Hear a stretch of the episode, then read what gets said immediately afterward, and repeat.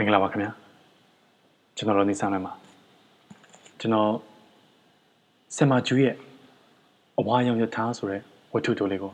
ဖတ်ပြပေးချင်ပါတယ်အဝါရောင်ရထားမူရနှင့်နောက်ဆုံးဆုံးဖြစ်ခဲ့သည့်နေ့ကကောင်းငင်သည် အချိန်အခါမတိုင်သေးပဲအနီရောင်လွှမ်းနေခဲ့သည်ထိုအနီရောင်နောက်ခံပေါ်မှာအနက်ရောင်ငှက်တအုပ်မြောက်အရက်မှတောင်အရက်သို့ပြန့်ကျဲစွာ တိတ်ဆိတ်စွာ ပြန်တန်းသွားခဲ့သည်ထိုနေ့ကိုကျမဘယ်တော့မှမေ့နိုင်တော့မည်မဟုတ်ပါဘာကြောင့်လဲဆိုတော့အနီရောင်ကောင်းကင်နောက်ခံနဲ့အနက်ရောင်ငှက်များသည် ထိတ်လန့်တုန်လှုပ်စွာ ဝေခွဲရခတ်လာသော စိတ်ကူးကဘာတစ်တစ်ခု၏ရှေ့ပြေးနမိတ်များဟု ကျမလက်ခံလိုက်ရသောကြောင့်ဖြစ်ပါသည်ထိုညနေကမြတ်တော်ကွင်းပြင်တွင် ပဇင်းတွေလည်းပြန်ဝဲနေခဲ့ပါသည်သူတို့ကတော်တော်နှိမ့်နှိမ့်ပြန်တန်းကြသဖြင့်ကျမတို့လမ်းလျှောက်နေရင်အသာလွှဲလာသောလက်တို့ဖြင့်အလိုက်သင့်လှမ်းဖန့်ဆုပ်လိုတောင်ရနိုင်ပါသည်မြက်ခင်းသည်နှင်းငွေ့ဖြင့်ဆိုစွန့်နေခဲ့သည်မျက်ရွက်များပေါ်နင်းလျှောက်သောအခါကျမ၏ဖက်နှက်လွတ်နေသောခြေချောင်းဖျားကလေးတွေ၌ဆိုစွန့်မှုကိုအိတ်ဆက်ဆက်ရှာတတအရသာနှင့်အတူခံစားနေခဲ့ရသည် ကျမတို့၏ဘေးမှာဘဲစီကိုသွားမှတ်မသိသောယထာတန်လန်းဟောင်းတစ်ခုရှိသည်တန်လန်းဟောင်းဟုပြောရသည်ကကျမမကြာခဏလမ်းလျှောက်လေညင်းခံရင်ကြုံမိသည်မြဘယ်တော့မှထိုတန်လန်းပေါ်မှာယထာတစည်းဖြတ်သွားသည်ကိုမတွေ့ခဲ့ရပိုသောကြောင့်ဖြစ်ပါသည်ထို့ကြောင့်လည်းယထာတန်တစ်ခုကိုကျမအာယုံ၌ခက်တဲ့တဲ့ကြားလိုက်ရသောအခါစိတ်လှုပ်ရှားသွားခဲ့သည်ကျမတို့နှင့် မျက်နှာချင်းဆိုင်ကောင်းကင်အပြာရောင်ထဲမှရုတ်တရက်ဖောက်ထွက်လာသလိုပဲယထာတစည်းလာနေခဲ့ပါသည်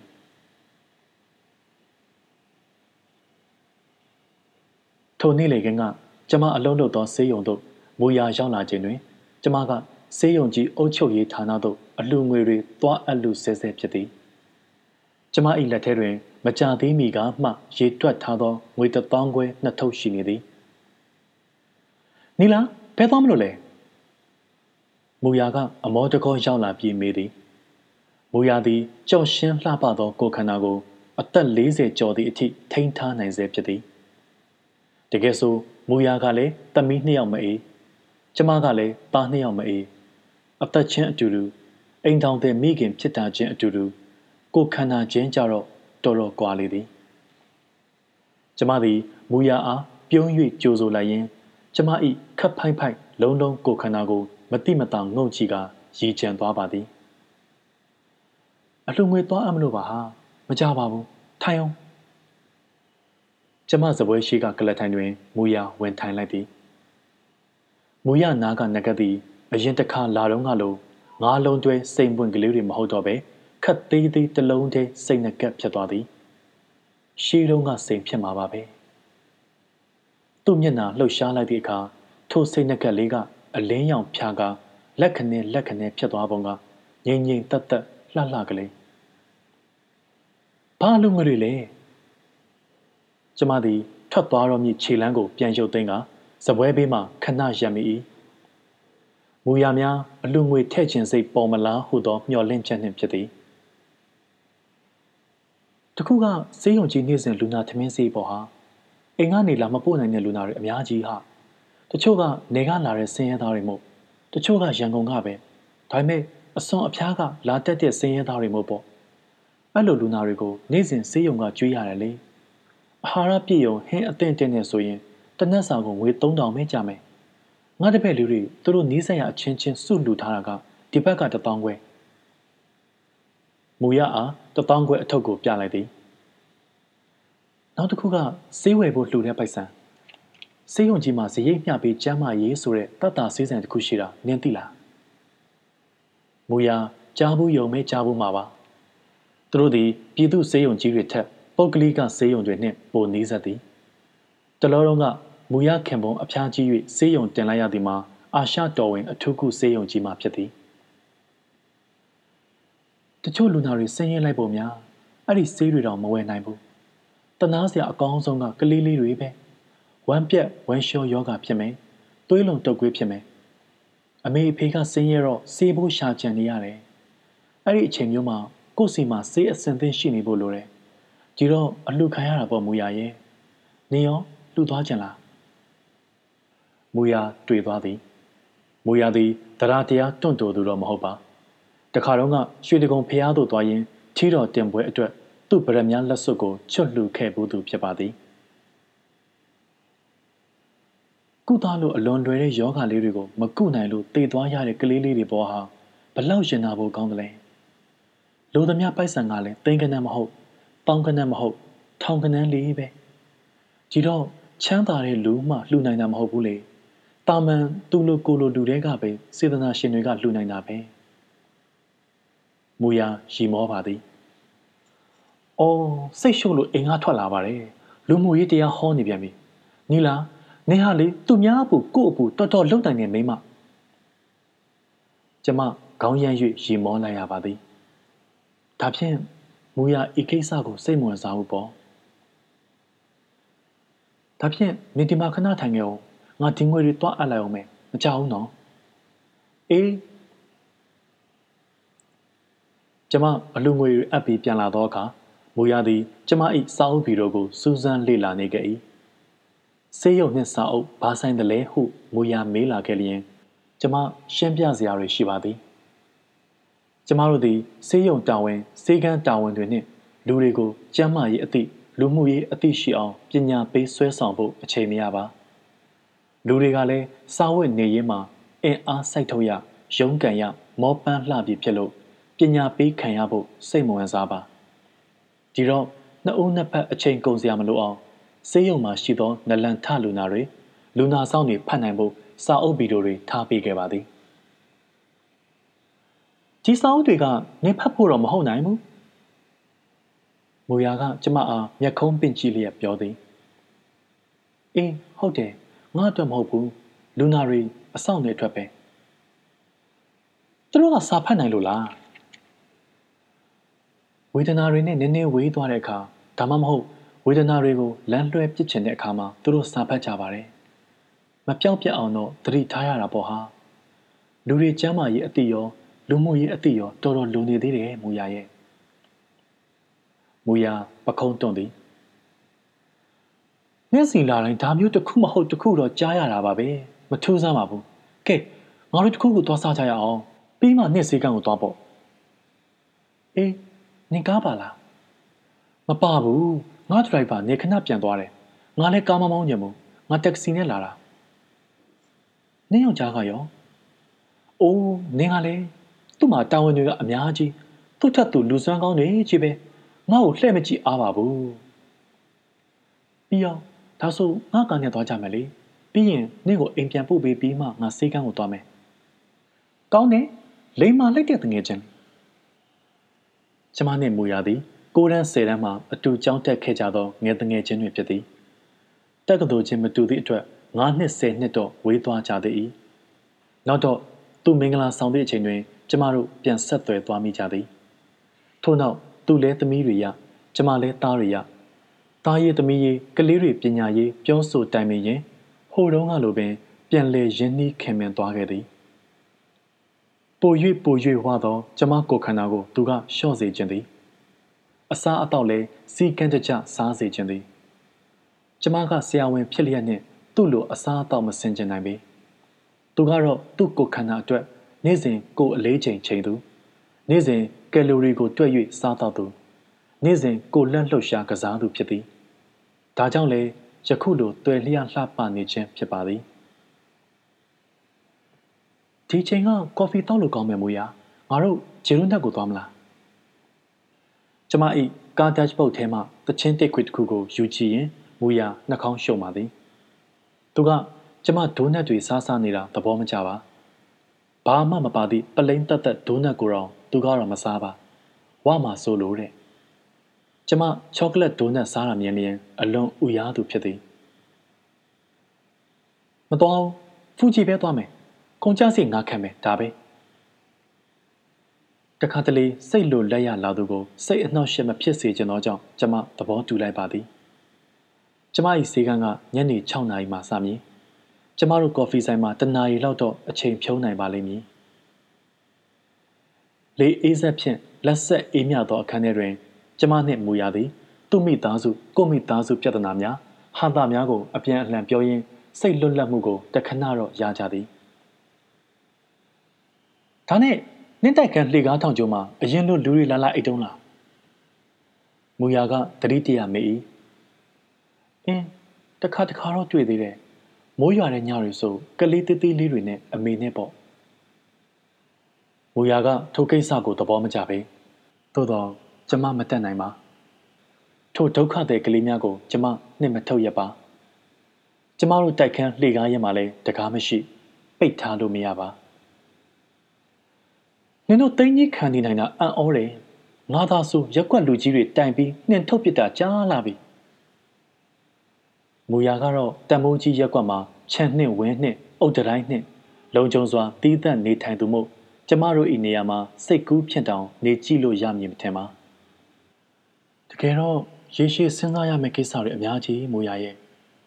ကိုကတိတ်အများကြီးမတတ်နိုင်စီယုံရေးလည်းမလုံနိုင်မတီငွေလည်းမတတ်နိုင်သေးတဲ့အချိန်မှာ ဒါကိုတတ်နိုင်တဲ့လောက်ကူညီတယ်လို့ပဲသဘောထားရမှာပေါ့ဆင်းရဲကြက်တဲမှုတွေအိုးအိမ်မဲ့ပြဿနာတွေအလုံးလက်မဲ့ပြဿနာတွေကြောင့်ကျမတို့နှစ်ယောက်ဤကော်ဖီတွေလည်းအရသာတွေပြတ်ကုန်အေးဆက်ကုန်တော့သည်နောက်တော့ကျမကပဲစေကန်သားကမျက်ခင်းပြင်တန်လန်းပေးမှလမ်းလျှောက်လေညင်းခံဖို့အကြံပြုခဲ့သည်ယထာတန်လန်းတို့အပြက်တစ်ခု၏အစော်နာတွင် ကျမ၏ကားကိုရပ်လိုက်သည်မူရာကကားထဲမှကြက်ချခဲ့ပြီးအပြင်မှနေ၍တကားပိတ်သောအခါခလုတ်ကဖိထားသည့်အတိုင်းမနေပဲအပေါ်ပြန်တက်လာ၏ခလုတ်ကိုနည်းနည်းမထားပြီးမလွတ်ဘဲတွန်းပိတ်မူရာငါကားကနည်းနည်းဆုတ်တယ်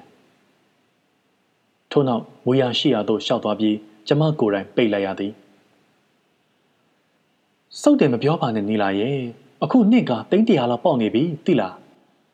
ကျမဤကားကိုဝယ်တော့က9သိန်းခွဲပဲပေးရပါသည်အဲ့ဒီ9သိန်းခွဲကိုပင်နှစ်နှစ်ချီ၍ကျမစုဆောင်ရသည်မူရာကကားဝယ်ဖို့တိုက်တွန်းနှုံးတို့ဝယ်ဖြစ်သွားခြင်းဖြစ်၏ကားစည်းတွေကမှန်းဆ၍မရနိုင်တော့အောင်ကမောက်ကမတွေဖြစ်လာတော့ကျမ၏ကားသည်၃နှစ်အတွင်း၅သိန်းခွဲမှသိန်းတရာဖြစ်သွားလေသည်ကားစည်းတွေသာတရှိန်ထိုးတက်ပေမဲ့ကျမတို့ဆရာဝန်လာကတမားတော်စမ်းသက်ခါတွေက လိုက်တက်လာခြင်းမရှိခဲ့ထို့ကြောင့်အခုလိုအချိန်မျိုးကြမှာကျမကားဝယ်ရမည်ဆိုလျင်ဘလို့နီးနှင်းမျှတိမ့်တရာကို ရှာလို့ရမှာမဟုတ်ဒီနာကလေကတန့်နေမူရရဲ့ငါစိတ်လိုလက်ရရှိတိုင်းဒီနေရာလေးကိုရောက်ရောက်လာပြီးလမ်းလျှောက်နေကြမူရကလက်နက်ဘက်ကိုခတ်လွှဲလွှဲထားလျက်အသက်ကိုတဝါကြီးရှိုက်ရှူရင်းပြုံး၏ပါလေ ကိုကျော်တက်နဲ့ရန်ဖြစ်တဲ့ချိန်တိုင်းဒီလာနေကြလားကျမဘာမှမပြောဘဲအတန်ထွက်ရှိနေလိုက်ပါသည်ကောင်းကင်သည်အချိန်မတိုင်သေးဘဲနှင့်နေနေသည်တိမ်အဆုပ်တွေမရှိဘဲတိမ်အမြင့်တန်းလေးတွေပဲရှိနေ၏အနီရောင်သည်အနောက်ချမ်းကောင်းကင်သာမကဘဲအပေါ်တဲ့တဲ့ကောင်းကင်အထိရှောင်နေသည်လေထဲတွင်စိမ့်ရွှေရွှေရနံ့တစ်ခုရသည်တည့်ရွက်စိမ့်နံလားတောပန်းတစ်ခုခု၏ရနံ့လား ကျမမဝေခွဲတတ်ပါထို့နောက်တောင်ပံခတ်တန်တဖြန်းဖြန်းအစုအဝေးကိုတဲ့တဲ့ကြားလိုက်ရပြီးကောင်းကင်မှာအနက်ရောင်နှက်တွေကိုမြင်လိုက်ရသည်အမျက်မှပြန်တန်းသွားသောထိုအနက်ရောင်နှက်များသည်ကြီးကန်းတွေလားဇရက်တွေလားကျမမသိခွဲပေအရှိန်ကလျင်မြန်လှသည်အော်တန်စူတန်လည်းမကြားရတောင်ပံခတ်တန်ကိုသာတဝက်တစ်ပြက်ကြားလိုက်ရသည် အနီရောင်နောက်ခံမှာပြန့်ကျဲသွားသောအနက်ရောင်တွေသည်ငှက်တွေဟုသိလိုက်ရချိန်၌ငှက်တွေအဝေးသို့ရောက်ကုန်ပြီထို့နောက်ထူးဆန်းသောအရာတစ်ခုဖြစ်သွားသည်ဘယ်တော့မှယထာဖြတ်မသွားခဲ့ဘူးသောတန်လန်းပေါ်မှာယထာတစည်းရောက်လာသည်ယထာတန်ကိုအရင်ကြားရပြီးမှယထာကိုမြင်ရခြင်းဖြစ်သည်အနီရောင်မိုးကောင်းငင်အနက်ရောင်ငှက်များ အစိမ်းရောင်မြက်ခင်းယခုအခါအဝါရောင်ယထာဟုတ်ပါရဲ့ယထာအယောင်မှကျမတခါမှမမြင်ဘူးသောအဝါရောင်တောက်တောက်နနွင်းရောင်ဖြစ်နေသည်ကျမတို့နှစ်ယောက်သည်ယထာတန်လန်းနှင့်ခတ်ခွာခွာလွတ်လွတ်ရှောက်နေကြသည်ဖြစ်ပါလျက်ယထာလာနေသောအခါဘဘေးသို့ပို၍ဝေးအောင်ခွာ၍ရှောက်လိုက်ကြပါသည်ဒီရထားကဘယ်သွားမယ့်ရထားလဲကျမမသိပါ ထို့နောက်ယထာသည် ကျမတို့စီသို့နီးနီးလာသည်ယထာဤတုန်ခါမှုကြောင့်ကျမရက်နေရမြေပြင်သည် တုန်ခါနေသည်ယထာသည် ကျမမျှော်လင့်ထားသလိုတွဲတွေကအများကြီးမဟုတ်ခေါင်းတွဲနှင့်နောက်ကတွဲတတွဲတည်းဖြစ်သည်ကျမတို့အနားမှအတန်မြေဟင်းကဖြတ်တန်းသွားချိန်တွင် ကျမ၏ထမိန်အနားတွေပင်တစ်ဖြက်ဖြက်လှုပ်ခတ်သွား၏ပဇင်းလေးတွေရော မျက်ရွက်လေးတွေရောလှုပ်ခတ်ရိမ့်ရိုင်သွားကြသည် ကျမတခုတတိထားမိသည်ယထာပေါ်မှာလူမပါပါမောင်းသူလည်းမပါစီးသူလည်းမပါပါဟင်ဘလို့ပါလဲတဏီယာယာကနေလွတ်ထွက်လာသောယထာကြီးလားကျမယထာသွားရသို့နောက်ပြန်လှည့်၍ကြည့်မိသည်ထိုအခါကျမဦးကောင်းတစ်ခုလုံးရုတ်တရက်ကြီးမားသွားသလိုခံစားလိုက်ရသည် ဟိုးအဝေးကယထာတန်လန်းပေါ်မှာကလေးလေးတယောက်ထိုင်နေသည်ဘေးမှာဘသူမှမရှိကလေးတယောက်တည်းကျမတကိုယ်လုံးတုန်လှုပ်အံ့ဩမှုဖြင့်အေးဆက်တောင့်တင်းသွားပါသည်ဟဲမူရကလေးလေးတော့ဖက်နဲ့လုံးမလဲလှမ်းအော်တတိပေးဖို့ကလည်းကျမတို့နှစ်ယောက်နဲ့ကလေးကဝေးနေသည် အပြေးသွားပြီးကောက်ချီဘေးဖယ်ချရအောင်လဲကျမတို့သည်ဘ လို့နီးနေမျှယထာ၏အရှင်ကိုမှီအောင်မပြေးလိုက်နိုင်ဖះဖះဘာမှမသိသောကလေးလေးကတော့တန်လန်းပေါ်မှာအေးအေးဆေးဆေးကျမရင်တဒိန်ဒိန်ခုန်နေ၏ဖမ်းနဲ့လို့မလဲဖမ်းနဲ့လို့မလဲတခုရှိတာကကျမတို့ခက်လှမ်းလှမ်းတွင်ယထာတန်လန်းလွှဲမောင်းတန်တခုရှိသည်လမ်းလွှဲပေးလို့ရမလားယထာကလမ်းစုံသို့ရောက်လို့နေနေပြီ လမ်းလွှဲလမ်းလွှဲလမ်းလွှဲကဘယ်ဟာလဲဟုကမန်းကရန်ရှာသောအခါကျမတကိုယ်လုံးအေးဆက်သွား၏ယထာတန်လန်းနှစ်ခုခွဲထွက်သွားရာတစ်ခုကတန်လန်းအရှိကလေးရှိနေသည့်လမ်းတစ်ခုကတစ်ခုကတန်လန်းတူအပြက်တန်လန်းသည်တနေရာတွင်တုံးတိစွာအဆုံးသတ်သွား၏ထိုနေရာတွင်ထိုနေရာတွင်ကျမ၏ကားကို ရက်ထားခဲ့သည်လက်လွဲမောင်းတံကိုဆွဲချလိုက်လျင်လူမပါသောယထာသည်မူလနေရာမှလမ်းကြောင်းပြောင်းသွားကတန်လန်းအပြက်စီဥတီသွားနိုင်သည်မူလတန်လန်းပေါ်မှရှိနေသောကလေးလေးအသက်ချမ်းသာရာရမည်သို့သောချွေးနှဲစာဖြင့်အနှစ်နှစ်အလားလားစုဆောင်ပြေးမှဝယ်ယူခဲ့ရသော ကျမ၏ကားကလေးယထာကြိတ်မိပြီးစုပ်ပြက်တွန့်လိန်သွားတော်မည် ဟင်းအင်းမလုံနဲ့သို့သောယထာသည်ကလေးရှိရာတန်လန်းအတိုင်းတရှိန်ထိုးပြေးသွားနေပြီကလေးတယောက်ရဲ့အသက်မျက်စိတမိတ်စာအတွင်းဆုံးရှုံးသွားလိမ့်မည်ကျမရှင်ထဲမှာနာကျင်သွားသည်မဖြစ်ဘူးကလေးအသေးမခံနိုင်ဘူးကျမသည်မောင်းတန်စီသို့အားကုန်ပြေးသွားရန်ကိုကိုလှည့်လိုက်၏ ကျမ၏အဖြူရောင်ကားကလေးကို ကျမမြင်ရသည်ကျမမှာဒီကားလေးတစ်စီးပဲရှိသည်နောက်ထပ်ကားတစ်စီးဝယ်ဖို့ဆိုတာဒီခေတ်ကာလပေါက်ဈေးဖြင့်အိမ်မက်ပင်မမှတ်နိုင်ပါကျမ၏အနာဂတ်ကျမခင်မောနှင့်သားကလေးနှစ်ယောက်၏အနာဂတ်စဉ်းစားတခုခုကိုအမြန်စဉ်းစားယထာကလမ်းဆောင်သို့ရောက်တော့မည်ဘယ်ဟာကိုဆုံးရှုံးခံမလဲကလေးရဲ့အသက်လား ကျမ၏ကားကလေးလားကျမခြေတွေလက်တွေတုံရင်ကရက်နေရင်ဒူးတွေညွတ်ခွေလာသည်ကျမမျက်စိအစုံကိုမှိတ်ပြက်လိုက်၏ယထာသည်တန်လန်းအတိုင်းတကြုံကြုံအော်မြည်လျက်တရှိန်ထိုးလိမ့်သွားပါသည်နီလာကျမမျက်စိကိုဖွင့်ကြည့်လိုက်သောအခါကျမအားမယုံကြည်နိုင်သောမျက်လုံးတို့ဖြင့်တအံ့တအောစိုက်ကြည့်နေသောမူရာကိုတွေ့ရသည် မူရာအကြည့်ကို ကျမနားလည်လိုက်ပါသည်နင်တော်တော်ရက်ဆက်ပါလားနီလာကလေးတယောက်အသက်ကိုနင်မကယ်ချင်ဘူးပေါ့နင်ငါ့ကိုအဲ့လိုမကြည့်နဲ့မူယာနင်မကြည့်နဲ့ငါမှဒီကားလေးတစ်စည်းပဲရှိတာမူယာကခေါင်းရမ်းနေသည်ထို့နောက်တန်လန်းအရှိကြီးအတိုင်းလှမ်းငေးကြည့်နေ၏ကျမသည်အဝေးမှပျောက်ကွယ်လူနီးပါးတေးသွားပြီးဖြစ်သောယထာကိုလှမ်းကြည့်သည့်အခါ တန်လန်းကိုမမြင်ရအောင်ကြော်ပစ်ပြီးကြည့်ရ၏တန်လန်းပေါ်မှာသွေးအလိမ့်လိမ့်ဖြင့်အပိုင်းပိုင်းပြက်နေမည့်ကလေးလေး၏အလောင်းကိုမမြင်ရဲသောကြောင့်ဖြစ်သည်တကယ်လို့အဲ့ဒီလမ်းတွဲမှာရှိနေတာငါကားမဟုတ်ပဲနင့်ကားဆိုရင်နင့်ဒီမောင်းကိုဆွဲမလားမူရငါ့ကိုမညာပဲအမှန်တိုင်းဖြေမူရတခဏတွေ့သွားသည်ထို့နောက်မျက်နာကိုမော့လျက်ဖြေသည် ဆွဲမယ်ကျမသည်ကြားရသောစကားကိုမယုံနိုင်ပါဆွဲမယ်ဟုတ်လားနေ့ကားက3300တန်တာနော်ဒါပေမဲ့ကလေးတယောက်အသက်က3300ဆိုတဲ့ကားထက်ပိုပြီးတန်တယ်လေမဖြစ်နိုင်ပါမူရအဲ့ဒီစကားကိုတကယ်ပြောတာမဟုတ်နိုင်ပါတန်လန်းအဆုံးမှာရှိနေတာသူ့ကားမဟုတ်လို့အလွယ်တကူပြောလိုက်တာပါ ခတ်တာကသူ့ကိုနင့်ညာနေတာဟုစွတ်ဆွဲဖို့လည်းမဖြစ်နိုင်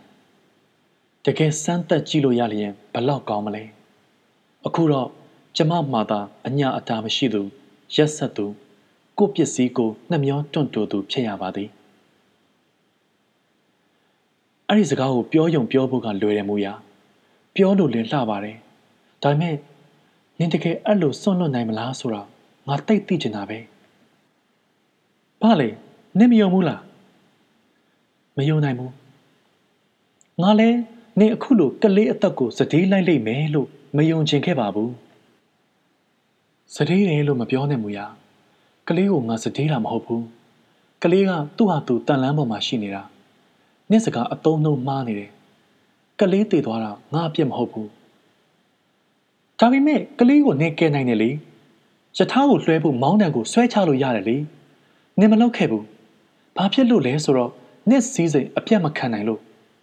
လူအသက်ဆိုတာကိုနင့်စည်းစိမ်လောက်အရေးမဆိုင်လို့မူရအတန်ကဆွတ်ဆွဲသည့်အတန်ဖြစ်လာသည်ကျမကိုလက်ညှိုးထိုးပြီးဆွတ်ဆွဲနေသလိုပဲဟုတ်တယ်ပဲထားပါငါစည်းစိမ်ကိုစတေးပြီးကလေးကိုငါမကဲ့ခဲ့ဘူးလို့ဆွတ်ဆွဲပါဒါအမှန်ပဲဒါပေမဲ့အဲ့ဒီနေရာမှာနင့်ကားဆိုရင် နင်စတေးမယ်လို့ငါမထင်ပါဘူးနင့်မှာလူမှုရေးစိတ်သက်ဘယ်တော့မှမရှိခဲ့ပဲနဲ့အဲ့ဒါငါအသိဆုံးပဲလေမူရငါအသိဆုံးပဲနင့်စည်းစိမ်အပြတ်ခံပြီးကယ်ဖို့ကိုမပြောနဲ့အောင်ဘာစည်းစိမ်မှပြတ်เสียမလို့ဘဲနဲ့တော့နင်ဘယ်ကလေးအသက်ကိုကယ်ခဲ့ဘူးလို့လဲကျမလေးသံမမဖြင့်ပြန်ဆွဆွဲလိုက်မိပါသည်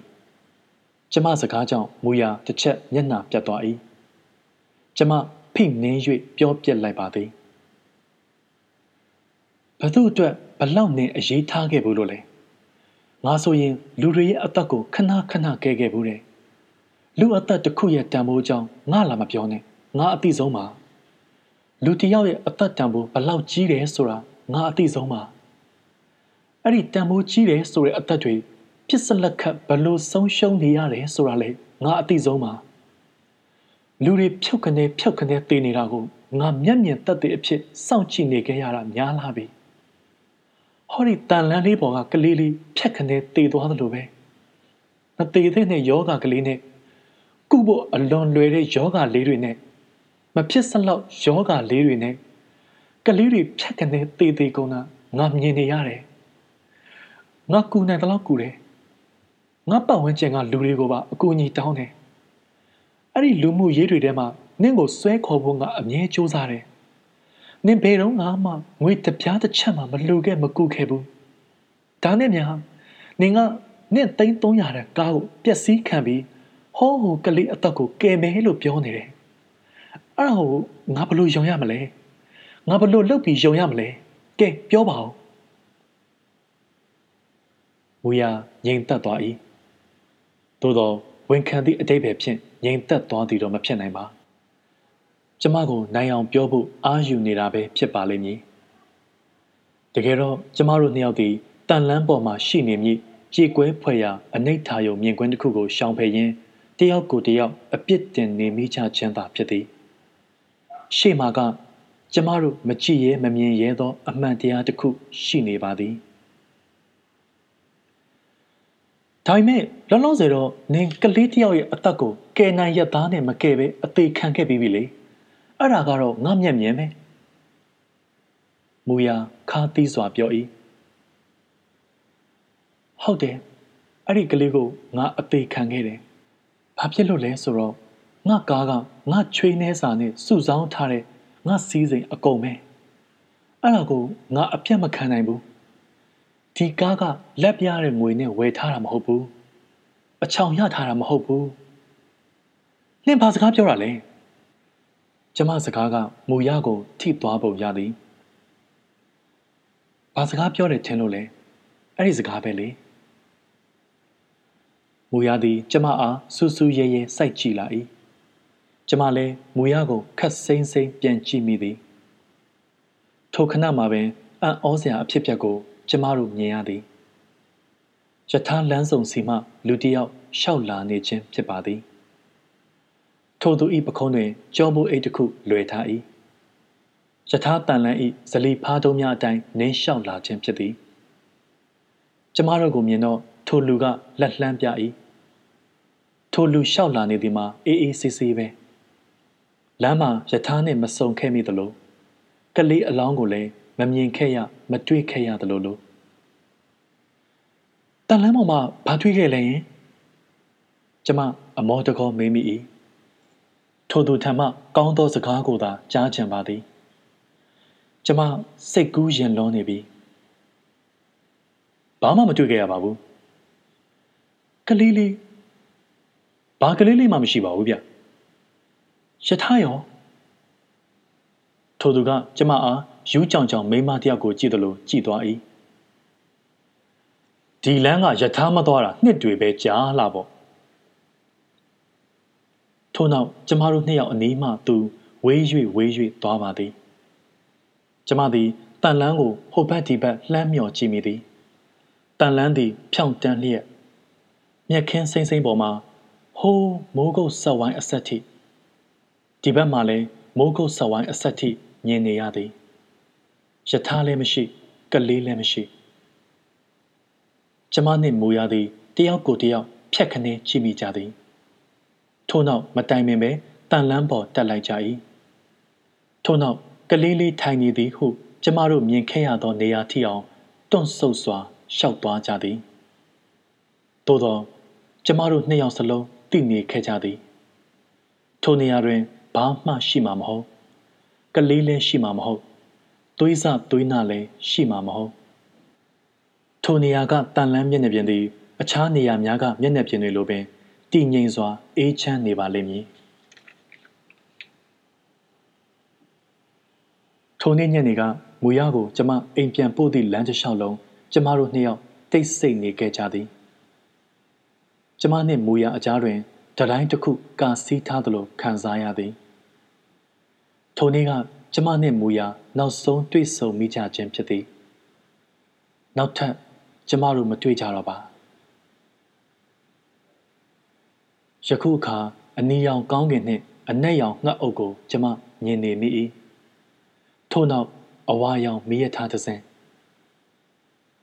ဘေတုံးကမှတန်လန်းပေါ်ဖြတ်မောင်းမသွားခဲ့သော အဝါရောင်ယထာဖြစ်သည်ဘာပဲဖြစ်ဖြစ်